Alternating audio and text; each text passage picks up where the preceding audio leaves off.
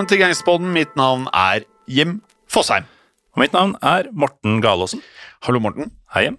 Uh, jeg er nesten blitt uh, godt vant jeg, nå til å ha en person i uh, studio.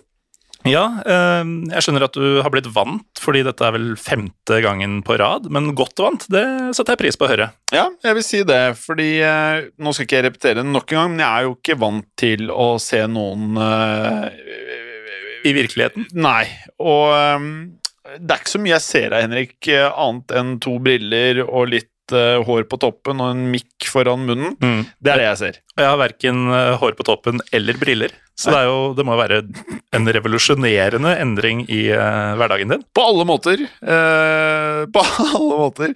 Eh, og dette her kan jo på mange måter være den siste episoden før Henrik kommer tilbake. I så fall eh, så er det jo slik at eh, hvis det er eh, mange som nå har hørt på Gangsterpodden som fikk litt sånn smaken på det, eh, så kan du høre oss to i Historiepodden og Historiepodden andre verdenskrig, som også er på iTunes og på Spotify. Um, så kan du melde deg inn i Historie for alle, altså Facebook-gruppen til alle disse podkastene, inkludert mange flere i moderne media. Um, og med det, Morten, så skal vi over til uh, noe som jeg vet du er veldig interessert i. Ja, det skal vi. Og um, nå har det vært veldig mange italienske navn i det siste, som vi har takla med varierende hell. Ja. Um, spent på navna vi skal gjennom i dag. Det er jeg også, for i dagens episode så skal det handle om en uh, svært mektig person som på mange måter skiller seg ut fra dem vi pleier å snakke om i Gangsterbånden. For vi skal nok en gang til Japan og høre historien om Yoshio Kodama. Ja, og Selve navnet Yoshio Kodama ringer kanskje ingen bjeller hos eh, den jevne lytter der ute, men vi kan love dere at dette er en person man vil vite mer om. Kodama var nemlig så mye som en korrupt forretningsmann, han var krigsprofitør, ultranasjonalist, terrorist, spion og mafiakontakt. Altså alt de, de, de fleste av disse tingene vil man jo ikke være. Nei. Jeg prøver å se Nei, det er ingen av de tingene jeg vil være. Eh, Og Kodama han ble kjent som Yakuzans eh, fredsmegler etter andre verdenskrig, fordi han bidro til at Japans kriminelle gjenger slutta fred, og slik ble en mer moderne Yakuza født. Riktig det.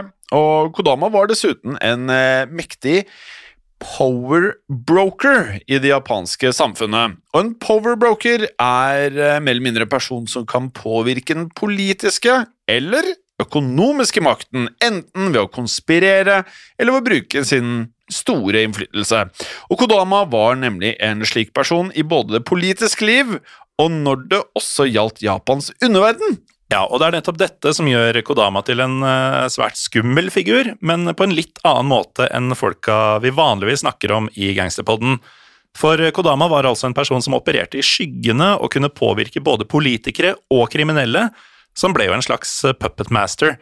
Men eh, la oss bare sette i gang, Jim, og fortelle mm, om hans tidlige år. Yoshio Kodama han ble født i 1911, og han skulle få en svært så ulykkelig barndom. For eh, faren hans eh, gikk konkurs når han kun var ni år gammel, og han ble sendt til det japanske okkuperte Korea for å bo hos slektninger der. Og i Korea så ble Kodama svært dårlig behandlet. Han led eh, isolasjon og måtte utføre barnearbeid i et stålverk. Som tolvåring så flykta Kodama tilbake til Japan, og i ungdommen så ble han del av det man kan kalle et uh, høyreekstremt nasjonalistisk miljø. Uh, dette miljøet ville skape et imperialistisk Japan med mål om å ta over hele Sørøst-Asia. Kodama kom også i kontakt med yakuzaen, som tok han inn som en protesjé, altså en slags læregutt. Og Kodamas første oppdrag var å banke opp fagforeningsfolk som organiserte demonstrasjoner mot uverdige arbeidsforhold. Kodama skal angivelig ha trent karate mens han drev med dette arbeidet. Mm. I 1933 så dannet Kodama sin egen ultranasjonalistiske gruppe, for på denne tiden så hersket Japan over Korea og regionen Manchuria i dagens Kina. Kodama han ønsket å svekke den lokale motstanden mot det harde japanske regimet, og han gjorde dette ved å eksportere opium til Korea og Manchuria. For på denne måten skulle da den undertrykte befolkningen nå bli opiumsavhengige og miste sin kampvilje. I tillegg så myrda Kodamas gruppe tre japanske politikere som ønska en mer fredelig sameksistens mellom Japan, Korea og Kina. Og i 1934 var Kodama med i planlegginga av et attentat mot statsminister Saito Makoto. Kodamas eh, komplott ble avdekket, og angrepet ble forhindra av japansk politi. Kodama ble arrestert og sona en fengselsstraff på tre og et halvt år. Men han ble sluppet fri da det brøt ut krig mellom Kina og Japan i 1937. Ja, for det fantes generaler i Japans keiserlige hær som mente at Kodama kunne være en verdifull mann i krigstid og Kodama ble dermed en agent for den samme regjeringen som han da hadde planlagt å drepe. Hmm, ja, eh, Utrolige begivenheter. Men Kodama han gjorde seg uvurderlig som agent. Han sørget blant annet for at forsendelser fylt med nikkel, kobolt, kobber og radium ble sendt til Japan for slik å styrke landet i krigen. Men eh, Kodama fulgte ikke spillereglene til punkt og prikke, for eh, sammen med de vanlige forsendelsene så sendte han også heroin. Og under andre verdenskrig, fra 1939 til 1941, så reiste Kodama gjennom Kina som japansk spion og bygget opp et nettverk med de såkalte triadene, og triader er den kinesiske betegnelsen på kriminelle organisasjoner. Kodama inngikk da et eh, samarbeid med den kinesiske mafiaen, og i tillegg så hadde han kontakter i det japanske flyvåpenet. Og dette ga han tilgang til fly, så Kodama brukte disse ressursene til å drive med eh, en slags storstilt plyndring av landsbyer i Kina og selge tyvgodset med høy, høy fortjeneste i Japan. Og Kodama mente jo selv at eh, plyndringa var en patriotisk og idealistisk handling, men eh, det rimte ikke helt med åssen han gikk fram under disse raidene. For hver gang Kodama kom til en kinesisk landsby, så tok han selv pistolen og skøyt landsbyens leder, for på denne måten å effektivisere overleveringa av alle verdisaker. Ja. Kodama han beskrev denne tiden med plyndring som min selvoppofrende ungdomstid, men plyndringen gjorde han også til en svært rik mann. Og takket være sin såkalte idealisme så var Kodama en av de aller rikeste mennene i Asia ved krigens slutt ja. i 1945. For da vi kalte den krigsprofitør i starten her, ja. så tulla vi ikke. Nei, det gjorde vi ikke. Ehm, jeg kan jo legge til at Kodama hadde en formue eh, i 1945, vil jeg merke, på 175 millioner dollar. Mm. Eh, og dette tilsvarer da over 24 milliarder kroner i dag. Og For å sette det litt i perspektiv, eh, Morten, så er det omtrent hva det ville kostet å bygge det nye regjeringskvartalet i Oslo. Og det er jo penger. Det er penger. Så denne lille gutten, da, som en gang var barnearbeider på et stålverk, hadde altså vokst opp til å bli spion og krigsprofitør med da milliarder av norske kroner, hvis vi regner om litt, på bok. Og det var jo litt av en reise, men reisen hadde så vidt begynt, for Kodama brukte sin nye maktposisjon til å bli en essensiell del av politikken og yakuzaen i Japan, i tillegg til å være hemmelig agent for USA. Og det kommer jo da på toppen av alt det vi, vi, vi har bare startet. Vi har så vidt starta, og vi skal fortsette etter en liten pause.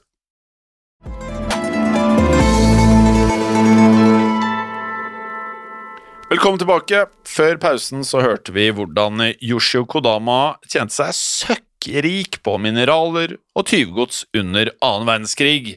Faktisk så ble Kodama belønnet med admiraltittel i den japanske marinen. Men Japan tapte jo da som kjent krigen, og selv om Kodama var blitt eh, langt, langt rikere enn de aller fleste, så havnet han i problemer etter at krigen var over. Ja, for de allierte de klassifiserte Kodama som en klasse A-krigsforbryter. Og Kodama fryktet at det amerikanske okkupasjonsstyret skulle konfiskere formuen hans, så han ga deler av denne formuen til en yakuza-boss ved navn Karoku Tsesui. Og i tillegg så skjulte Kodama noen eiendeler i Keiserpalasset av alle steder i Tokyo. Ja, og i 1946 ble Kodama arrestert og dømt til to års fengsel av det amerikanske okkupasjonsstyret. Da Kodama satt fengslet, så fulgte han med på den politiske situasjonen i Japan. Kodama innså da at han kunne utnytte det politiske kaoset til å skaffe seg veldig stor makt, så fort han da omsider ville komme seg ut av fengsel, og derfor så bygget Kodama kontakter med fremtredende politikere og også forretningsmenn, blant annet Ryoichi Sasakawa. Sasakawa var også en krigsprofitør som visstnok skal ha sagt følgende jeg er verdens rikeste fascist. er ikke det mest sympatiske utsagnet jeg har hørt. På ingen måte. Etter eh, to år bak murene så ble Kodama løslatt, og nok en gang så tok eh, Kodamas karriere en uventa retning. For han begynte nå å jobbe for de allierte, altså de som hadde fengsla han. Den amerikanske hærens etterretningsbyrå, G2 eller G2, rekrutterte Kodama som agent og powerbroker. Eh, amerikanerne var besatt av å renske Japan for kommunisme av alle slag, så de hyra inn Kodama til å slå ned på alt som kunne minne om arbeidskonflikter eller sosialistisk aktivitet. Og USA betalte Kodama svært godt for å bruke sin makt, og han fulgte ordrene med glede. Kodama ble en politisk fikser og en viktig CIA-kontakt som i all hemmelighet finansierte konservative i Japan. Og Kodama var nemlig tett knyttet til det nystiftede partiet Liberal Democratic Party, og på 1950- og 60-tallet så brukte CIA millioner på å støtte dette partiet, med mål om å samle etterretning og gjøre Japan til en festning mot kommunismen i Asia. Men Kodama var mye, og han var også en viktig mellommann mellom USA og Yakuzaen. De allierte og den nye japanske regjeringa trengte nemlig muskler, eh, voldsmenn om du vil, til å utføre ordre og tvinge gjennom politiske direktiver, og Kodama ble mannen som skaffa Yakuza-krigere til disse oppdragene. Ja, han var det, og Kodama hadde altså da med en finger i spillet på flere fronter. For på én front så hjalp Kodama amerikanerne med å gjøre Japan til en alliert i kampen mot kommunismen. Parallelt ble Kodama en mektig bakmann i Japans politiske ledelse, med tilgang på voldelige Yakuza-krigere som da kunne settes inn mot politiske motstandere. Så Kodama var ganske tydelig en eh, dyktig manipulator, og han gjorde små og store tjenester for viktige folk og casha inn tjenester fra disse senere. Og Kodama brukte også innflytelsen sin til å forhandle fram lukrative avtaler mellom yakuzaen og myndighetene. Så Kodama var den ultimate kuromaku, som er den japanske versjonen av en grå eminense, eller en skjult maktfaktor. Ja, og Kodamas rolle i yakuzaen ble enda viktigere på begynnelsen av 1960-tallet. For da brukte nemlig Kodama sin makt til å organisere en våpenhvile mellom flere krigførende Yakuza-klaner. Og to av de aller største rivalene var Yakuza-klanene Yamaguchi Gumi og Tosai Kai. Og De har vi pratet om i flere episoder tidligere av Gangsterpodden. Og Yamaguchi Gumi var og er Japans aller største klan, med base i byen Kobe. Tosai Kai var en Tokyo-basert klan med mange koreanere og her var det steile fronter, men Kodama lyktes med å skape en allianse mellom Yamaguchi Gumi og Tosei Kai.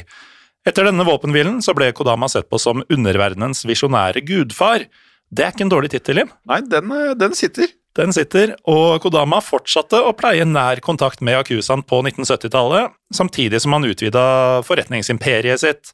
Eh, Kodama var en stor aksjonær i et nattklubbnettverk, i et rederi, i et baseballag, et filmstudio og flere sportsmagasiner.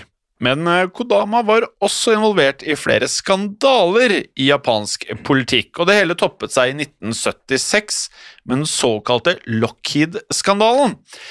Og denne skandalen Morten, den eh, involverte den amerikanske flyfabrikanten Lockheed og flere høytstående ledere i japansk politikk, industri og også Yakuza. Lockheed hadde nemlig ansatt Kodama for å skaffe dem kontrakter med japanske flyselskaper, og dette skulle jo da selvfølgelig gjøres med rause bestikkelser. Ja, det kom da fram at Lockheed hadde betalt rundt 78 eh, millioner norske kroner for å bestikke den japanske statsministeren Kakuei Tanaka samt andre politikere og Kodama selv hadde mottatt uh, rundt 340 millioner kroner over 15 år som en hemmelig uh, konsulent for uh, Lockheed. Og I Japan er navnet Lockheed fremdeles synonymt med denne skandalen. Det er ikke beste reklamen. Nei, det er ikke det. Um, og dette tette båndet mellom politikerne og yakuzaen, som utgjorde et nettverk kjent under navnet Kuroi Kiri, som betyr svart tåke, ble derimot ikke rammet av skandalen, men skandalen gjorde Kodama upopulær blant sine allierte på høyresiden i Japan, og Kodamas dager eh, ble talte her som en, eh, noen form for dominerende maktfaktor. Ja, Kodama ble faktisk nesten drept i et uh, merkelig attentat samme år, altså i 1976, da en pornofilmskuespiller ved navn Mitsuyasu Maeno forsøkte å drepe Kodama ved å styrte et fly kamikaze-style inn i herskapshuset til Kodama. Det er nesten Du tror ikke det er sant? Nei, og jeg vil ikke si jeg brukte for sterke ord Det er jeg kalte et merkelig attentat. Nei. Dette er det merkeligste attentatet jeg har hørt om, omtrent. Ja, og vi har lagd mange episoder med Historiepodden og Historiepodden andre verdenskrig, og jeg har lagd i tillegg Gangspodden. Dette er det merkeligste så langt. Ja. Eh, bakgrunnen for dette var at denne pornoskuespilleren, altså Maeno, var en nasjonalist som hadde lagt Kodama for hat etter skuffelsen med nettopp Lockheed-skandalen, som virkelig må sies å ha ødelagt livet hans fullstendig. Eh, og Maeno døde selv i krasjet, mens Kodama ble liggende uskadd i senga si. Altså Ordet mislykket er forskjellige nivåer. Mm. Dette er et ganske høyt nivå av å ikke få til noe. Det kan du godt si, men eh, det var jo en grunn til at eh, Kodama lå i nettopp senga da dette skjedde. Ja, for Kodama var nemlig blitt uh, sengeliggende etter et hjerneslag, og han slet da med dårlig helse for resten av sitt liv. Og Derfor så ble han heller aldri avhørt, dømt eller fengslet for sin rolle i Lockheed-skandalen. Kodama døde av et nytt slag mens han sov i 1984. Det var et eh, innholdsrikt eh, liv på skyggesida av samfunnet, vil jeg si. Det vil jeg absolutt si, og vi har jo da en eh, gangstlåt denne uken. Eh, av Kanye West. Har du hørt om han? Han har jeg hørt om. Bra. Sangen heter Power. Har du hørt om den? Eh, nei, men det passer veldig godt med maktjaget til Kodama i dagens episode. Det var litt av det som var tanken bak eh, valget. Mm. For litt av konseptet bak valg av sanger er at innholdet enten har noe med innholdet i episoden å gjøre, eller navnet på sangen reflekteres litt i navnet på episoden. Ja, og sånn sett så har dere lykkes godt eh, den måneden cirka som jeg har vært med. Ja. Veit ikke åssen det var før. Det klarte klart. Takk for komplimentet. jo, bare hyggelig. Og hvis det er noen av lytterne nå som synes at vi har en eh, tone som man ønsker å gjøre mer av, så kan dere høre oss hver eneste uke, både i Historiepodden og Historiepodden andre verdenskrig. Vi prater ikke nødvendigvis om eh, samme type gangstere som her, men vi prater tidvis om ganske mørke skikkelser der òg. Ja, mye, mye dårlige folk, og en del bra folk. Ja, det kan man si. Eh, følg oss veldig gjerne på Facebook og Instagram, der vi heter Gangsterpodden. Følg Gangsterpodden på Spotify, altså spillelisten vår med alle sangene fra episodene. Og du kan også bli en del av Historie for alle, altså gruppen der du har Historiepodden, Historiepodden, annen verdenskrig, hendelsesbånd, Gangsterpodden og en haug med andre moderne mediepodkaster. Eh, og rate oss gjerne på Spotify og på iTunes. Der tror jeg vi var i mål, Jim. Der var vi i mål. Og da... Syns jeg var flink der. Ja, jeg trodde nesten du skulle få pustebesvær, for det var mye som skulle ut, men du klarte det. Ja, ja, ja, tusen takk. Og med det så er det vel noen catchphrases og sånn før vi runder av? Ja, Nå vil jeg sjekke om du husker det. Ja, det er vel noe sånt som eh, hold deg unna fiskene. Men hold deg gangster. Yeah. Ha det bra. Ha det.